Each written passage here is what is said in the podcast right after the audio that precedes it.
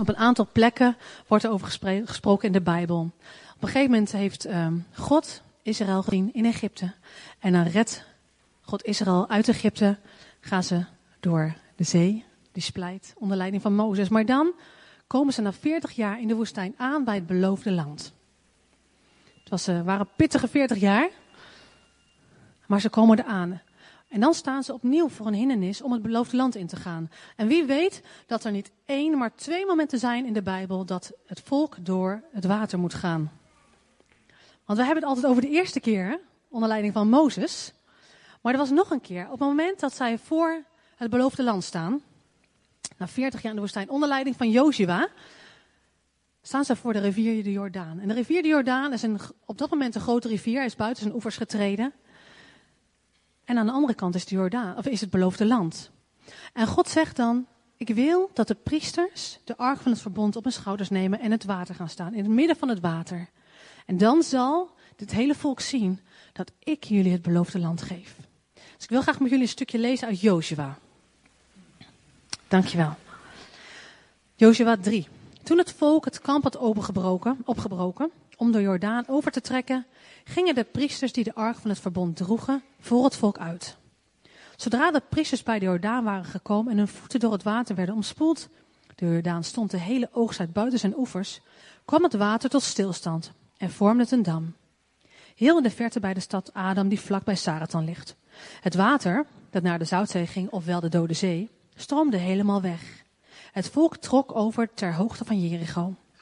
De priesters die de ark van het verbond met de Heer droegen, bleven precies in het midden van de bedding van de Jordaan staan. En terwijl heel Israël overtrok tot de laatste man.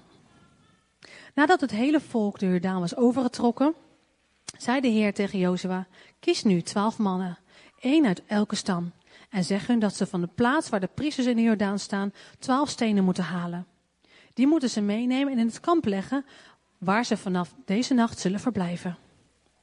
Jozua liet twaalf mannen aanwijzen, één uit elke stam van Israël. En nadat, hij hen bij elkaar had geroepen, zei hij tegen hen, ga voor de ark van, het, van de Heer, uw God de Jordaan in. U moet allemaal één steen op uw schouder nemen, één voor elke stam. En ze zullen een gedenkteken voor u zijn. Wanneer uw kinderen later zullen vragen wat die stenen betekenen, dan moeten ze vertellen dat het water van de Jordaan werd tegengehouden door de aanwezigheid van de ark van het verbond met de Heer. En vertel ze dat toen de ark de Jordaan inging, het water werd afgesneden. En dat deze stenen daarvoor voor Israël een eeuwig gedenkteken zijn. God had Israël op een wonderlijke manier uit Egypte gehaald. En nu brachten ze op een wonderlijke manier ook in het beloofde land. Veertig jaar lang hadden ze gemopperd, waren ze ongehoorzaam geweest, door de woestijn heen gegaan. Nu stonden ze voor het beloofde land, maar er was een hindernis tussen. En God zei, ik wil dat je de ark van het verbond in het midden zet. En op de ark van het verbond rustte de aanwezigheid van God. En ik geloof dat hier een mooie bemoediging voor ons in zit. Soms wandelen we met God, maar ervaren we dat er een hindernis is tussen ons en datgene wat God voor ons heeft, waarvan we geloven dat God het voor ons heeft. En dan denk je, hoe kom ik die hindernis over? Hoe, hoe kom ik daar doorheen? Dat is onmogelijk. Maar wanneer wij God centraal stellen, zijn aanwezigheid te midden van die hindernis plaatsen, zal die hindernis wijken. En ik geloof niet dat God alle dingen ineens voor je wegneemt, want zo werkt het niet altijd. Maar ik ben ervan overtuigd dat als we Jezus centraal stellen, als we Hem zoeken, naar Hem kijken, dan zal Hij een weg banen om te komen waar Hij wil dat je komt. Omdat Zijn aanwezigheid in het midden staat, centraal staat.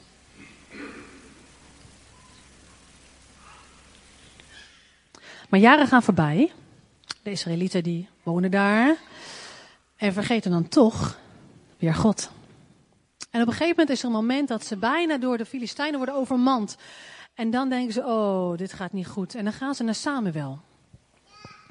En ze zeggen, Samuel, wil jij namens ons God vragen om hulp? En dat doet Samuel. En weet je wat hij dan doet? Dan slacht hij een lammetje. En God verhoort zijn gebed. En dan op wonderlijke manier overwint Israël van de Filistijnen. Wat eigenlijk helemaal niet kan. En dan wil ik graag lezen eens Samuel. Na afloop plaatste Samuel tussen Mispa en Sen een steen. en noemde die Eben Haezer, want, verklaarde hij, tot hiertoe heeft de Heer ons geholpen. Eben Haezer betekent steen van de hulp. Een steen om de overwinning die God gaf te vieren. Om te gedenken, te onthouden dat God hen op een wonderlijke manier de overwinning had gegeven. En wat ik zo bijzonder vind hieraan is dat God dat doet. Hij doet iets heel gedenkwaardigs. Terwijl het volk God gewoon vergat. Eigenlijk kun je zeggen, ze hebben het best verprutst. En toch zegt God, ik ben met je. Want ik heb mezelf aan jou verbonden, aan jullie verbonden, aan het volk verbonden. En hij blijft trouw. En dat is Gods genade. Wij kunnen het soms zo verprutsen. En denk, ja heer, hoe zou je nou naar mij kijken? Maar God zegt, ik heb me aan jou verbonden. Dus als je naar mij kijkt, als je bij mij komt, ik geef jou de overwinning. In welke vorm dan ook. Dat kun je niet altijd van tevoren voorspellen. Maar God is dezelfde. En hij wil een steen van de hulp, de Ebenezer, een gedenkmoment creëren voor jou, zodat jij die overwinning kan vieren. Waar je eigenlijk helemaal niet, geen recht op hebt, die je helemaal niet hebt verdiend.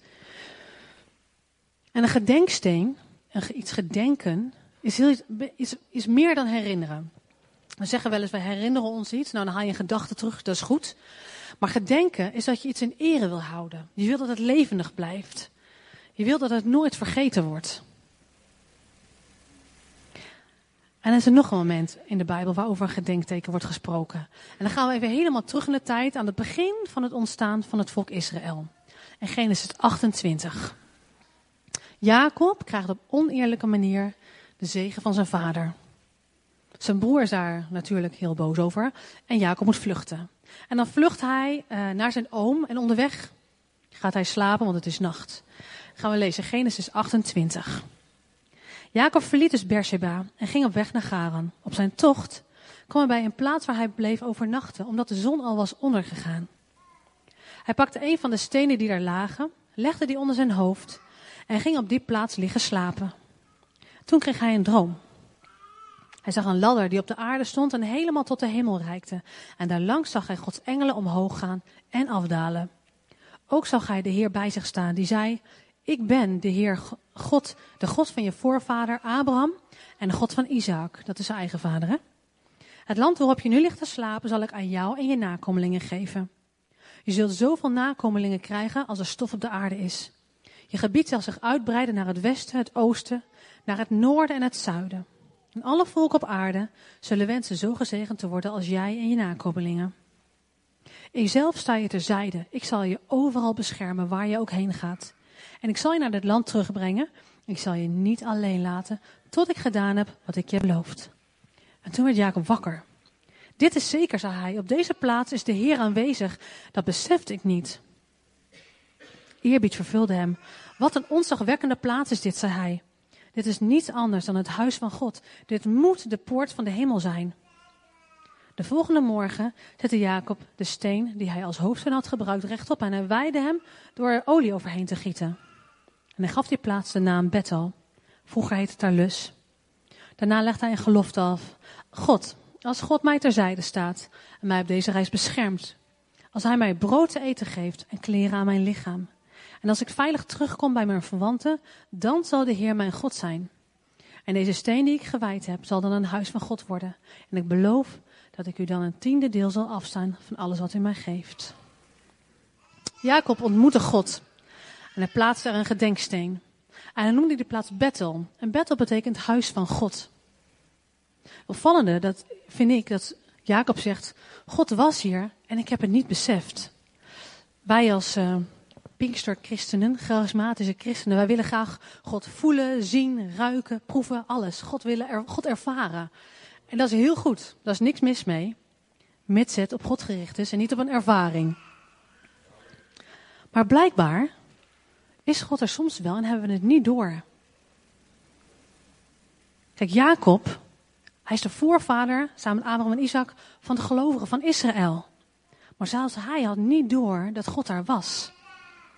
Maar God zegt, ik ben. Ik ben de ik ben. En God is er altijd. En soms zijn er momenten in ons leven dat we denken, Heer, waar bent u toch? En hebben het gevoel dat God er niet is. Maar het is de vraag of het waar is. Want God is er altijd. ook als je het niet merkt. En Jacob noemt dan deze bijzondere plek het huis van God. De plek waar een, open, eh, een opening tussen hemel en aarde, waar de engelen neerdalen en weer opgaan naar de hemel. Hij plaatste daar een gedenksteen en heiligde die met olie. Ik wil met jullie heel graag gaan naar 1 Timotheus 3. Paulus is er aan het schrijven, dus we vallen midden in een brief. Maar goed, het gaat mij om deze tekst. Want dan weet je hoe men zich moet gedragen in het huis van God. Dat wil zeggen de kerk van de levende God. Fundament en pijler van de waarheid. Wie zijn het huis van God? Was het die steen die daar ergens nog bij Bethel ligt? Wij zijn het, de kerk van de levende God, de gemeente, Gods gemeente. Wij zijn het huis van God. En wat zijn dan kenmerken van een huis van God? Nou, blijkbaar dat we niet altijd doorhebben dat God er is. Ik weet dat er momenten zijn waarop er mensen zijn, jullie, wij met elkaar, hebben gedacht, Heer, waar bent u? Bent u er nog wel? Is het vuur soms uitgegaan? Is het nog wel een plek waar u bent? Kunt je afvragen of die vraag terecht was, want God is er altijd. God wil zichzelf openbaren. Want ik geloof niet dat hij zal wel laten dat we hem niet, willen, dat hem niet kunnen zien. God wil zich openbaren. Dus we mogen telkens vragen, Heer, waar bent u hierin? Waar bent u op dit moment? Ik zie u helemaal niet. Ik zie u niet in de gemeente. Ik merk het niet. Ik zie u niet in mijn leven. Maar God wil zichzelf aan jou bekendmaken. Dat deed hij ook bij Jacob. En dat doet hij ook bij ons. En dan mogen we zien naar hem. Wat God wil. Waar hij wil bewegen en hoe hij wil bewegen. In ons leven en in de gemeente en zijn huis.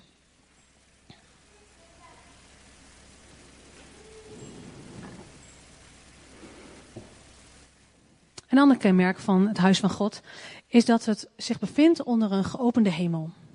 Als een plek waar engelen omhoog en naar beneden, omlaag gingen. En ik geloof dat het ook voor ons gaat, voor de gemeente. Het huis van God, wij zijn onder een open hemel. Dankzij Jezus is er toegang tot de Vader.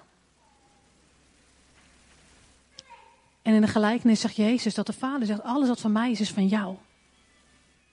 Dus ik geloof dat we toegang hebben tot wat God in de hemel heeft bereid voor ons, dat we daar mogen wandelen. Al zijn rijkdommen die bij zijn koninkrijk horen, daar mogen wij in wandelen. En die rijkdommen zijn niet per se alleen in geld of in dat alleen maar goed met je gaat, maar het kan ook zijn in wijsheid. Er is altijd hoop. Er is altijd voorziening in wat je nodig hebt. God wil uitdelen van, van, zijn, van zijn woonplaats. Want er is een open plek, een opening tussen zijn woonplaats en ons hier op aarde, zijn huis. En hij laat ons nooit alleen. En ja, we maken wel moeilijke dingen mee. Ook het afgelopen jaar hebben we dat echt weer meegemaakt. Maar toch, wij, wij leven onder een open hemel. Want we zijn in rechtstreeks verbinding met, de, met onze Vader.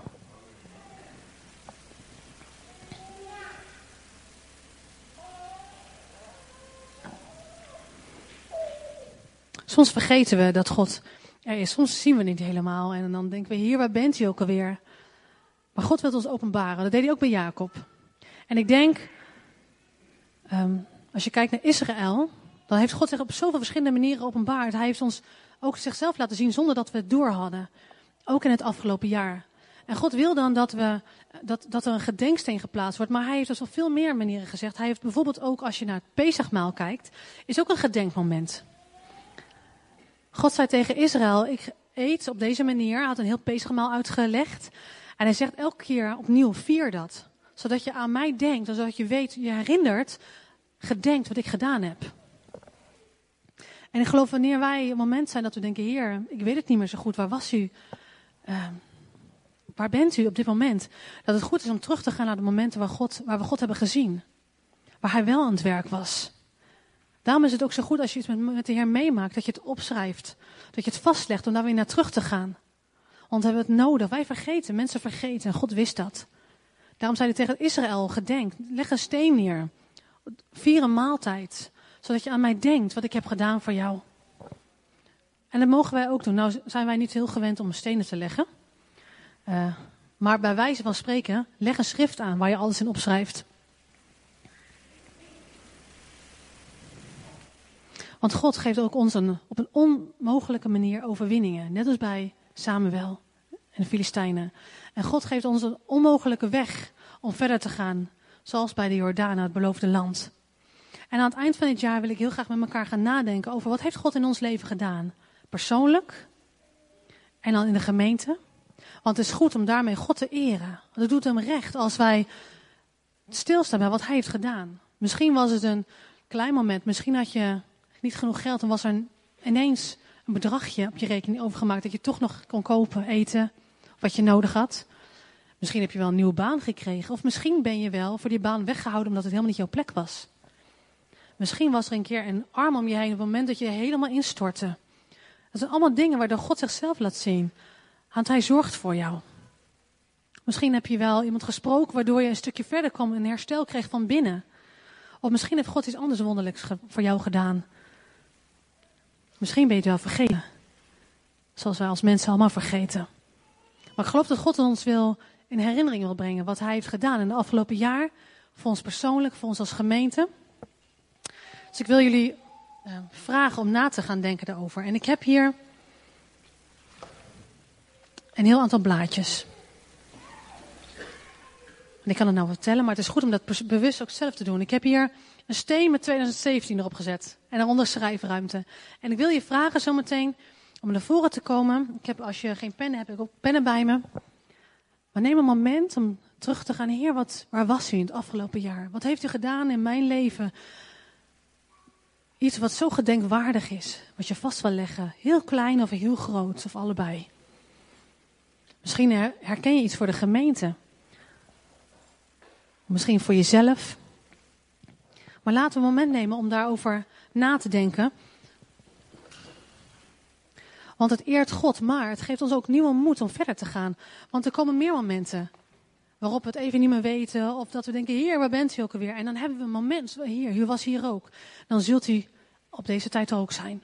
Want als God hier helpt, dan zal hij op het volgende moment je ook helpen. Dan heb je, vat je moed en geloof voor de volgende punt waar je terecht komt.